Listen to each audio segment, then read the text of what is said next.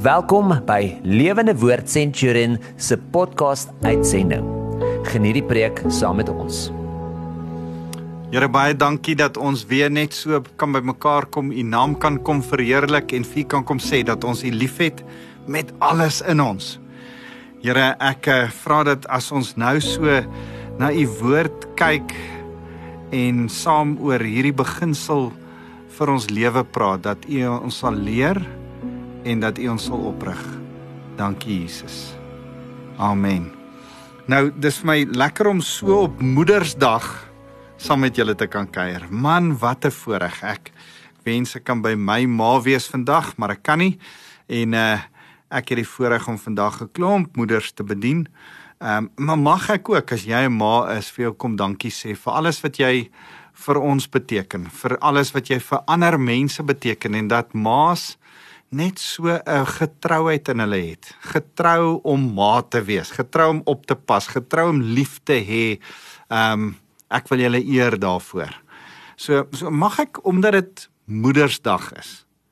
Kom praat oor oor ma's en ma's 'n bietjie uitdag en en pa's moenie jy ophou luister nie want hierdie gaan verseker ook vir jou uitdag. Kinders, ek praat eintlik met jou aangesien ek met die ma's praat.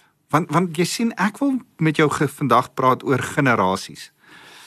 Is dit moontlik om van generasie tot generasie tot generasie die Here te bly dien? Weet jy wat's vir my interessant is dat Europa hulle rug gedraai het op die Here. Hulle noem hulle self post-Christian communities. En ons is nou verby Christendom. Dis ou tyds. Dit was ons was Christene eens op 'n tyd, maar ons is nou verby dit. Dis nou nie meer En terwyl ons vir die Here dien en liefhet dink, hoe kan jy post Christian wees? Hoe kan jy verby Christendom leef? Hoe dit gebeur? Hoe het julle die Here gedien, gesien hoe hy Europa geseën het, kragtig gebruik het? Man, nou het julle lou warm geword. Inteendeel, so erg dat ek dink hulle gaan moslem wees in die volgende 50 jaar. Hoe hoe dit gebeur? Hoe gebeur wat in Amerika gebeur het? 'n Christen land wat die Here gedien het gefundeer. Hulle fondasies is in hierdie in die Bybel ingelê. Hulle hulle hulle hele grondwet is daar volgens geskryf. Hulle hulle is totaal en al Christen. Maar nou mag jy nie eers meer 'n Bybel lees nie. Ek hoor van 'n vrou wat gearresteer is in Amerika 'n onderwyseres omdat sy 'n Bybel op haar lesenaar gehad het. Sy het hom nie gelees nie Sy het hom net op 'n lesenaar laat lê en toe het, uh, uh, is sy, ekskuus, is sy gefire, sy met sy werk verloor. Waar kom ons vandaan dat jy nie meer kan bid of kan Bybel lees in skole in Amerika vandag nie? Wat het geword? Waar gaan ons heen dat uh, plekke waar hulle die Here gedien het, al hoe meer verder van die Here af word? Is is is dit nie veronderstel dat wanneer jy die Here dien met die volgende generasie die Here meer dien nie. En die volgende generasie die Here nog meer dien. En die volgende generasie die Here nog meer dien nie. Is dit nie veronderstel om so te wees nie? Ek ek wil met jou praat oor oor 'n beginsel. En en jare terug het Bruce Wilkinson met ons gepraat oor hierdie beginsel. The, the three chairs principle. Die die drie stoele En en en en vandag as ek met jou daaroor gesels, dan besef ek dis juis nie so nie. Dis dis juis nie so dat ons default al hoe beter en beter en beter Christene word nie. Nee. As gevolg van ons sondige natuur, van selfs ons wat die Here dien, word dit generasie na generasie afgewater. Slegter bietjie verder van die Here af en al hoe verder van die Here af en al hoe verder van die Here af en dan word die generasies later so dat hulle nie meer die Here dien nie. So, so kom ek wys vir jou in die skrif, dit was nie anderste in uh die die Bybelse tyd nie en en en eintlik moet ons daaruit bemoedig word maar ook leer en sê hoor die Here wys ons dat ons dit nie mis nie. So so kom ek wys jou die die drie stoele beginsels uit die Bybel uit in Joshua 24 vers 15 sê maar as dit verkeerd is in julle oë om die Here te dien, kies julle dan vandag wie julle wil dien of die gode ander kan die rivier wat julle voorouers gedien het of die gode van die Amorite in wie se land julle woon. Maar ek, ek en my huis, ons sal die Here dien. Joshua sê: "Kies julle wie julle wil dien. Maak maak julle is miskien soos die mense hier om julle of skies tog soos julle voorouers gemaak het die die Egiptenare se gode te dien. Maar ek ek gaan die Here bly dien." En dan is hier 'n interessante skrif. Die volk het die het die Here gedien. Ek lees in Rigters 2 vers 7. Die volk het die Here gedien gedurende Joshua se leeftyd en ook gedurende die leeftyd van die oudstes wat lank na Joshua nog geleef het. En hulle wat al die groot dade van die Here gesien het wat hy vir die Here gedoen het. So ek wil hê jy moet drie stoele in jou gedagtes sien. Hier's drie stoele. Die eerste stoel is die stoel van Joshua die stoel van iemand wat die Here self bonatuurlik beleef het. En dan is daar die tweede stoel, die stoel van die ouderlinge. Die stoel van die ouens wat gesien het wat se impak dit was op die op die Joshua generasie, op die die eerste stoel generasie ouens, op die hulle het gekyk na daai ouens en gesê, "Jo, hulle lewe is geseënd want hulle het wonderwerke van die Here beleef." Daai ouderlinge. Maar hoor wat gebeur in vers 10 nadat ook daardie hele geslag met hulle voorouers verenig is. Daai tweede generasie het daar 'n ander geslag na hulle opgestaan wat nie die Here geken het nie en ook nie die dade wat hy vir Israel gedoen het nie. Ah, is dit nie hartseer nie. Derde stoel generasie. So in die kerk lyk dit net so. Ons het 'n eerste stoel Christene, mense wat die Here dien want hulle tot bekering gekom en dit het self 'n ervaring met Jesus gehad. Iets wonderlik het in hulle lewe gebeur en hulle kan getuig van hoe die Here hulle lewe omgedraai het. Dalk het hulle 'n rowwe lewe gehad en en toe kom hulle tot bekering, kom hulle tot inkeer, kom maar eers 'n daadwerklike besluit van ek wil die Here dien. En nou sit hulle op die eerste stoel. Eerste stoel Christene. Maar dan is daar tweede stoel Christene.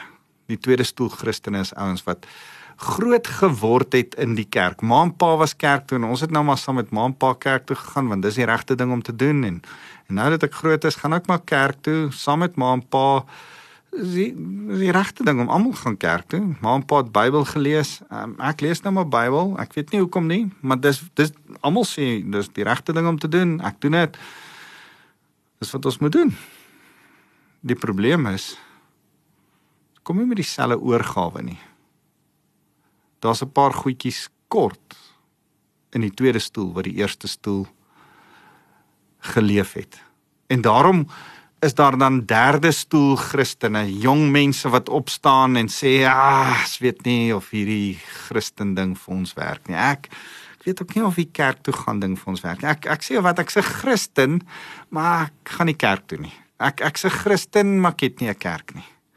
Ehm um, hierdie ding werk nie vir ons. Dis soos om te sê ek ek glo in iets, maar ek glo nie daarin nie. Ek ehm um, die Bybel, ja, is 'n nice boek vir ander mense, nie vir my nie. Ehm um, en dan mis hulle dit totaal en al.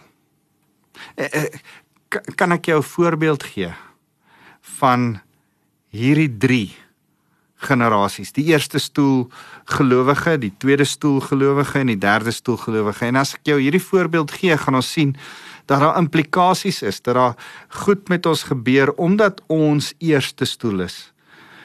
Of omdat ons tweede stoel is, is daar gebeurtenisse wat gaan gebeur en dan is daar goed wat ons as ons veral in 'n derde stoel sit wat ons en ons kinders geweldig gaan affekteer.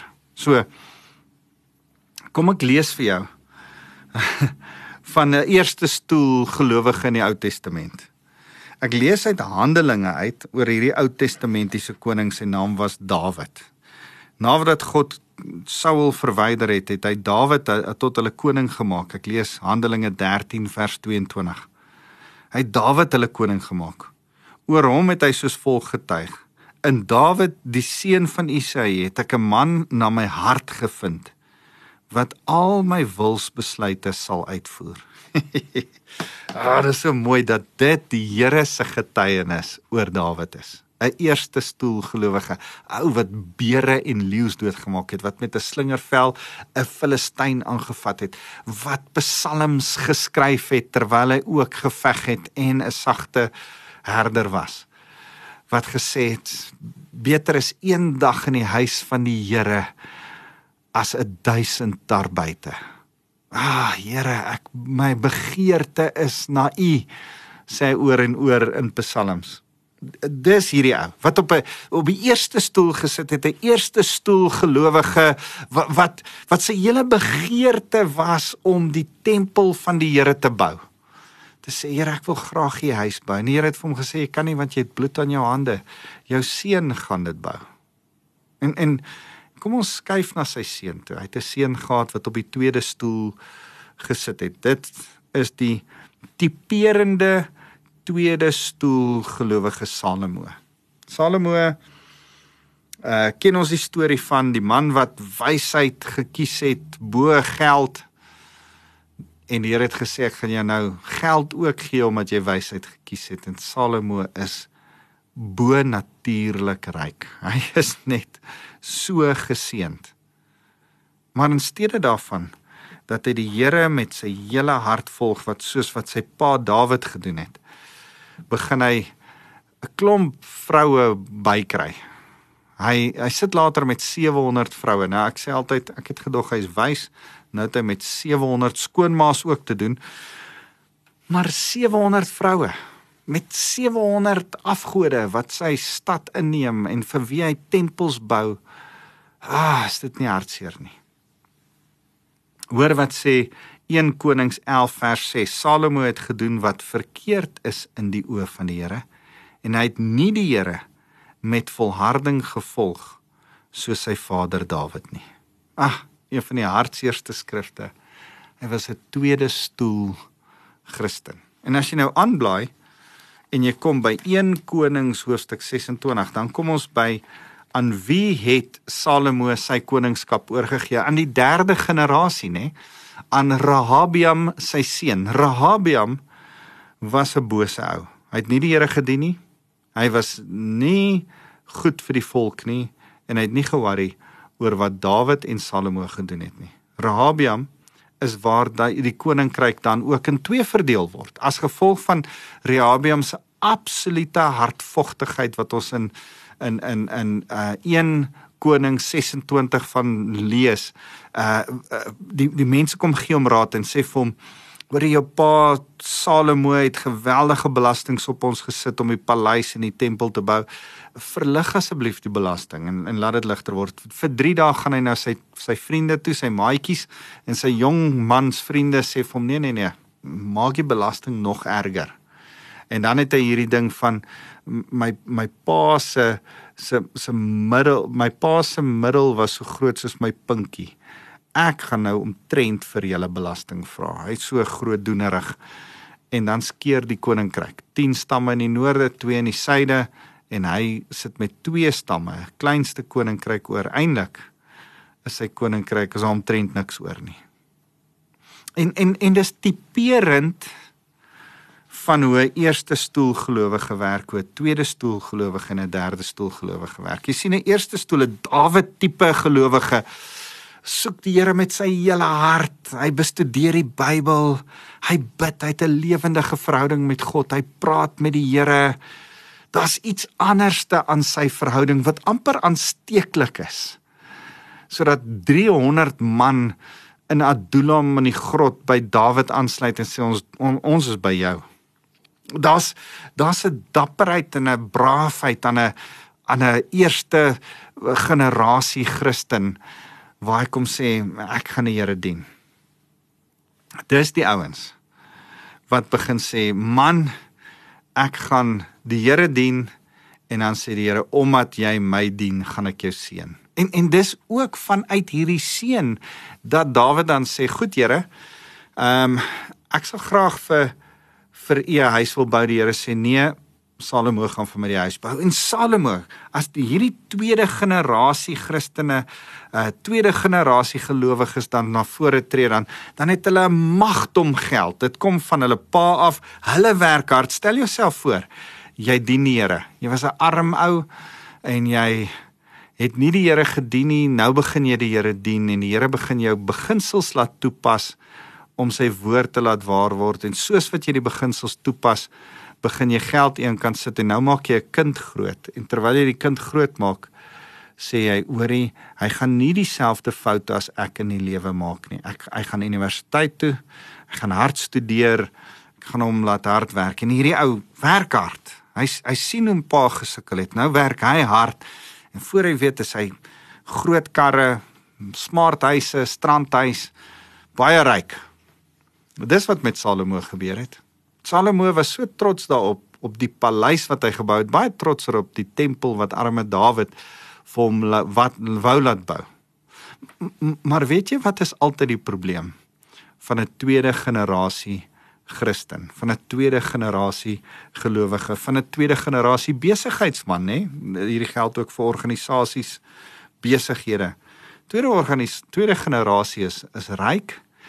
Alles is gemaklik, maar hulle werk ook ongelukkig nog hard om hierdie rykdom te bly bou. So nou word daar kinders gebore. So raai wat's hulle kinders? Brats. Hulle kinders is daai skatryk kindertjies wat nie maniere het nie want pa en ma's nie by die huis om hulle maniere te leer nie. Onthou die eerste generasie, die Dawid generasie kon nog uit 'n godvreesendheid uit vir die volgende generasie leer, maar die tweede generasie is te besig en te ryk en te smart. En nou word die derde generasie eintlik soos Brats groot. Hulle het alles. Hulle het oupa en pa se rykdom, hulle het alles. Maar hulle het nie maniere nie en hulle het ook nie dryf nie. Hulle het nie dryf om vorentoe te gaan nie. Hy hoef nie universiteit toe te gaan nie. Maar pa was universiteit toe. En hy het klaar genoeg geld gemaak. So ek hoef nie regtig te gaan nie. Ek kan pa se besigheid oorvat. Daarvoor het ek nie universiteit nodig nie. Ek wil net so 'n bietjie hang. Gaan paar jaar Ekskuus tog 'n paar jaar ehm um, 'n uh, 'n van tyd hê uh, 'n uh, jaar of 2 na en na skool en dan dan gaan ek terug en ek vat pa se besigheid oor. Weet jy wat doen 'n derde generasie besigheidsman? Hy mors al die geld. En meeste van die kere, 73% van die keer stop die besigheid by die derde generasie. As dit stop by die derde generasie, dan is dit omdat daar al die geld verkwansel is en daar geen dryf meer in die besigheid oor is nie. En dieselfde ge vir Christendom. In die derde generasie stop Christene om die Here te dien. Want daar's nie meer 'n persoonlike ontmoeting wat die eerste generasie met Jesus Christus gehad het nie. Ah, is dit nie hartseer nie? So kom ek vir gee vir jou nog 'n voorbeeld. Abraham, 'n eerste stoel gelowige wat 'n ontmoeting met God gehad het. Die Here sê gaan verlaat jou jou jou jou land van jou vader en gaan woon in Kanaan. Daar sal ek aan jou verskyn. Daar verskyn die Here aan hom en en die Here eet saam met hom. Die Here ontmoet hom. Die Here stel 'n verbond met hom in. Die Here sê ek gaan vir jou 'n seun gee. En toe die Here vir hom 'n seun gee, sê hy offer hierdie seun. hierdie ouens is die ouens van geloof die ouens wat met die Here praat, die ouens wat waagmoed het, die ouens wat bereid is om alles te los om die Here te volg. Hierdie is die ouens wat die gemanifesteerde heerlikheid van God sien, ervaar, beleef en vanuit dit 'n persoonlike getuienis het. Hierdie is die ouens wat kan sê die Here het my gesond gemaak. Die Here het my besigheid omgedraai. Die Here het vir my hierdie en hierdie en hierdie gedoen. En toe die Here dit vir my doen. Jy sien, die probleem wat ons het is derde generasie Christene sê my oupa het een keer regtig nogal iets by die Here beleef. Maar ek het nie. Maar ek ek, ek besef ek's 'n Christen want my oupa het eendag in 1953 erlewing in sy kerk gehad. Ah, is nie goed genoeg nie. Die die Abraham generasie, die Dawid generasie, die die Joshua generasie, hulle het self die heerlikheid van die Here beleef, die krag, die wonderwerke, die braambos, die die die die verandering, die Goliat wat neerval as gevolg van sy slingerveld, die hulle het self 'n begeerte gehad om die Here tevrede te stel met alles in hulle. En daarom werk hulle hard Daarom soek hulle die Here, daarom doen hulle self Bybelstudie, daarom glo hulle in die woord van God as die onfeilbare waarheid wat hulle lewe rig. Maar dan maak hulle 'n tweede generasie groot. Ek en jy 'n tweede generasie groot. Wat nou ons kyk en sê, "Sjoe, baie dankie." En dankie vir alles wat julle vir ons gegee het en alsmaaks nie so ernstig oor dit nie. Die woord van God is great. En dis nice, is 'n goeie akademiese boek. Ek verstaan hom. Ek sal van tyd tot tyd daai lees en dalk ietsie post op Twitter en en en dalk 'n bietjie ietsie sê vir ander mense van dit. Dis 'n nice boek, maar gaan hom nie bestudeer vir my eie lewe nie. Uh, uh, dis nice. Dankie dat julle alles vir my gegee het. Maar as daai Isak generasie opstaan, dan begin hulle hard werk. Werk word eerder hulle God as God self uh, uh, om om vir die Here te werk word hulle fokus. En die Here is nog daar. Jy sien die eerste generasie, eerste stoel Christene is God alleen. Tweede is ek en God. Derde is ek. ah, dis swart seer. Maar Isak generasie, uh um Genesis 26, ek ek, ek probeer so vinnig so toe blaai. Is Isak en Abimelech en Isak het hierdie goed hy hy, uh, vers 12 sê Isak het in daardie landstreek gesaai en hy het die jaar 100voudig geoes, so die Here hom geseën. Die man het ryk geword, hy het al hoe ryker geword totdat hy skatryk was sê vers 13 vers 14 hy die kuddes kleinvee en beeste besit en het groot werksmag sodat die Filistyne hom benyd al die pitte uh wat het hy gegrawe en dan beskryf dit keer na keer hoe hy sekere putte oopgegrawe het.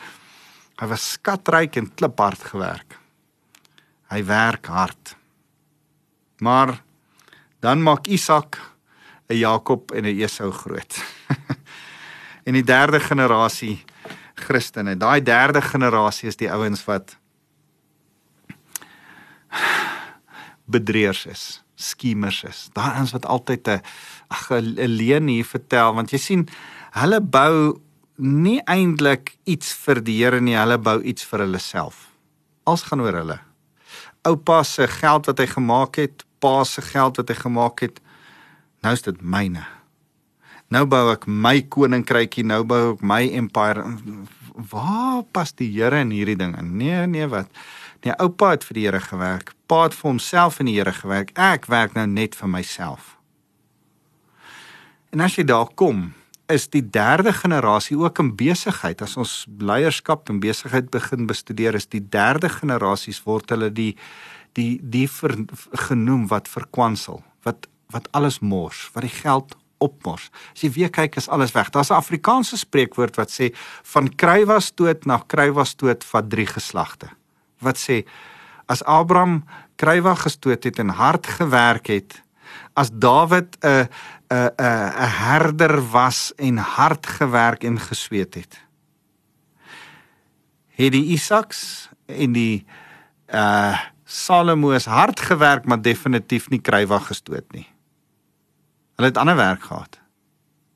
En dan het die Rahabiams, die Jakobs die bedrieërs geskiem, gelieg, vermors.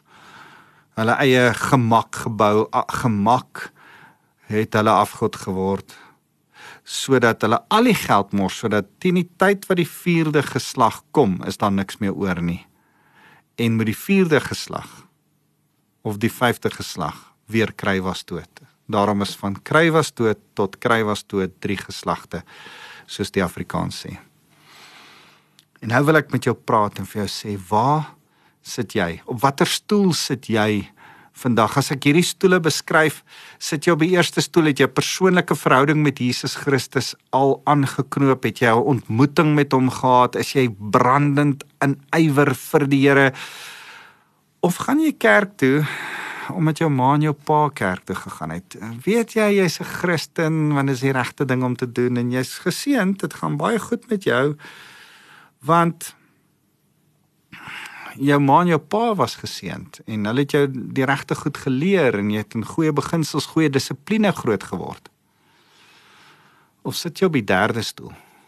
Waar jy weet jy luister vandag na my en jy besef, ja, ek dien nie die Here nie ek as ek hierdie goed luister dan besef ek eintlik is ek net 'n Christen by naam. Ek's daai Christen wat sê ek's 'n Christen, maar kan nie eintlik kerk toe nie. Hoekom?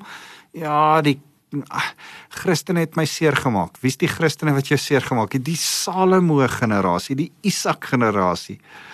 Die generasie wat 'n twee gesig lewe gelewe het, wat vir hulle self en die Here gelewe het. Die generasie wat kerk toe gegaan het net omdat hulle moes. Die generasie wat jou teleurgestel het, is tipies die generasie wat die Bybel gelees het, maar dit nie gedoen het nie.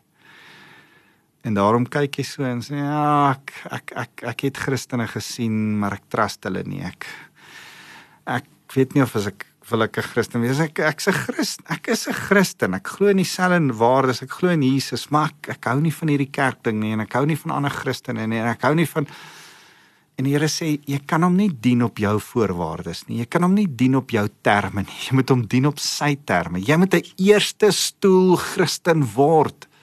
Die mooi ding van Jakob is dat hy 'n stoei geveg met God gehad het by die Jabokrivier en Jakob se naam word verander na Israel. Jakob skuif van die derde stoel af en gaan sit op die eerste stoel in 'n ontmoeting met God en omdat hy 'n stoei geveg met God gehad het wat hom by the way krippel gelos het mank gelos het omdat hy so 'n verhouding gehad het het hy eerste stoel verhouding met die Here kan ek vandag vir jou sê jy het 'n eerste stoel verhouding met die Here nodig jy het nodig om te skuif Jakob van jou plek van gemak, van jou plek van lieg, van jou plek van bedrieg, van jou skems, van jou ag, ek is 'n Christen, maar ek is wil nie eintlik kerk toe gaan nie. Jy het nodig om 'n persoonlike verhouding met Jesus in die eerste stoel in te skryf. Sal jy saam met my vandag sê, Here, ek is jammer. Red my en maak my Jakob Israel want ek wil met u stoei oor hierdie goed in my lewe om weer met u 'n verhouding te staan. Sal jy Isak, Salomo, mense wat die krag van die Here gesien werk het, maar dit nie self beleef het nie? Jy wat in die kerk groot geword het, sal jy vir die Here sê, Here, ek het meer as net in die kerk groot word nodig. Ek het nodig om met u persoonlik 'n ervaring te hê Here, ek het nodig om U te ontmoet. Ek het nodig om U te hoor. Ek het nodig om 'n honger en 'n dors na U woord en U gees te kry. Sal jy weer kom sê, Here, ek het U nodig. Jy sien, dis tyd as jy in hierdie tweede stoel sit. Salomo, Isak, dat ek vir jou sê, "Hey, move. Gaan na die eerste stoel toe." Moenie gewoond raak, moenie gemaklik raak in jou rykdom, jou groot kar, jou smart huis, jou gemaklike lewe nie. Nee, dis nie waarvoor die Here dit alles vir jou en vir jou pa gegee het nie. Dis tyd dat jy die Here wat hierdie goed vir jou gegee het, soek en hoor hoekom het hy dit vir jou gegee? Want hy wil 'n verhouding met jou hê. Hy wil jou gebruik. Hy wil die goed wat jy het gebruik om mense na hom toe te bring. Hy wil nie die mense wat jy het gebruik om goed te kry vir jou sak nie vir jou gemak nie. Gemak is 'n afgod wat jy eerder nie wil dien nie. So ek ek staan vandag voor jou en ek staan by die eerste stoel en ek sê dis lewe. En ek staan by die derde stoel en sê vir Amerika, vir Europa, vir Suid-Afrika is dit dood as ons net naam Christene is wat in gemak sit en nêrens heen gaan nie. Dis dood. Dan staan ek voor jou soos Moses en sê kies lewe of dood. Maar ek stel voor jy kies lewe. Vandag kies die eerste stoel kies saam met my om te sê, Here, ek wil 'n 'n passie soos Dawid hê. Here, ek wil 'n geloof soos Abraham hê. Here, ek wil U aanbid met my hele hart en 'n vriend van God genoem word. 'n Man na God se hart soos Dawid. Here, maak my iemand van geloof soos Joshua. Here, as ek dit vir elkeen van hierdie ouens kom bid wat vandag vir my luister. Here, as hulle vandag vir my kom luister, vra ek dat u tweede stoel Christene beweeg na die eerste stoel toe. Dat die derde stoel gemaklike naam Christene tot bekering sal laat kom en sê Here red my Here neem my na die eerste stoel toe sodat ons 'n ontmoeting met U sal hê. Here dankie dat ons besef van tyd tot tyd wil ons beweeg na daai derde stoel toe. Hou ons by die eerste stoel. Dankie Jesus. Amen. Kom ek spreek die seën van die Here oor jou uit. Here mag die Vader wat vir ons liefhet sy liefde oor ons uitgiet sodat ons met hom 'n persoonlike eerste stoel verhouding kan hê en daarom dan die genade van Jesus kan beleef en kan beleef Here dat sy genade so groot is dat hy ons van die tweede en die derde stoel na die eerste stoel toe kan neem. Mag die Heilige Gees die naprediker van hierdie woord wees en ons harte gryp sodat ons anderste sal wees, maar ook anderste ons kinders sal grootmaak en in hulle dissipline en liefde vir God sal inbou. Dankie Jesus. Amen.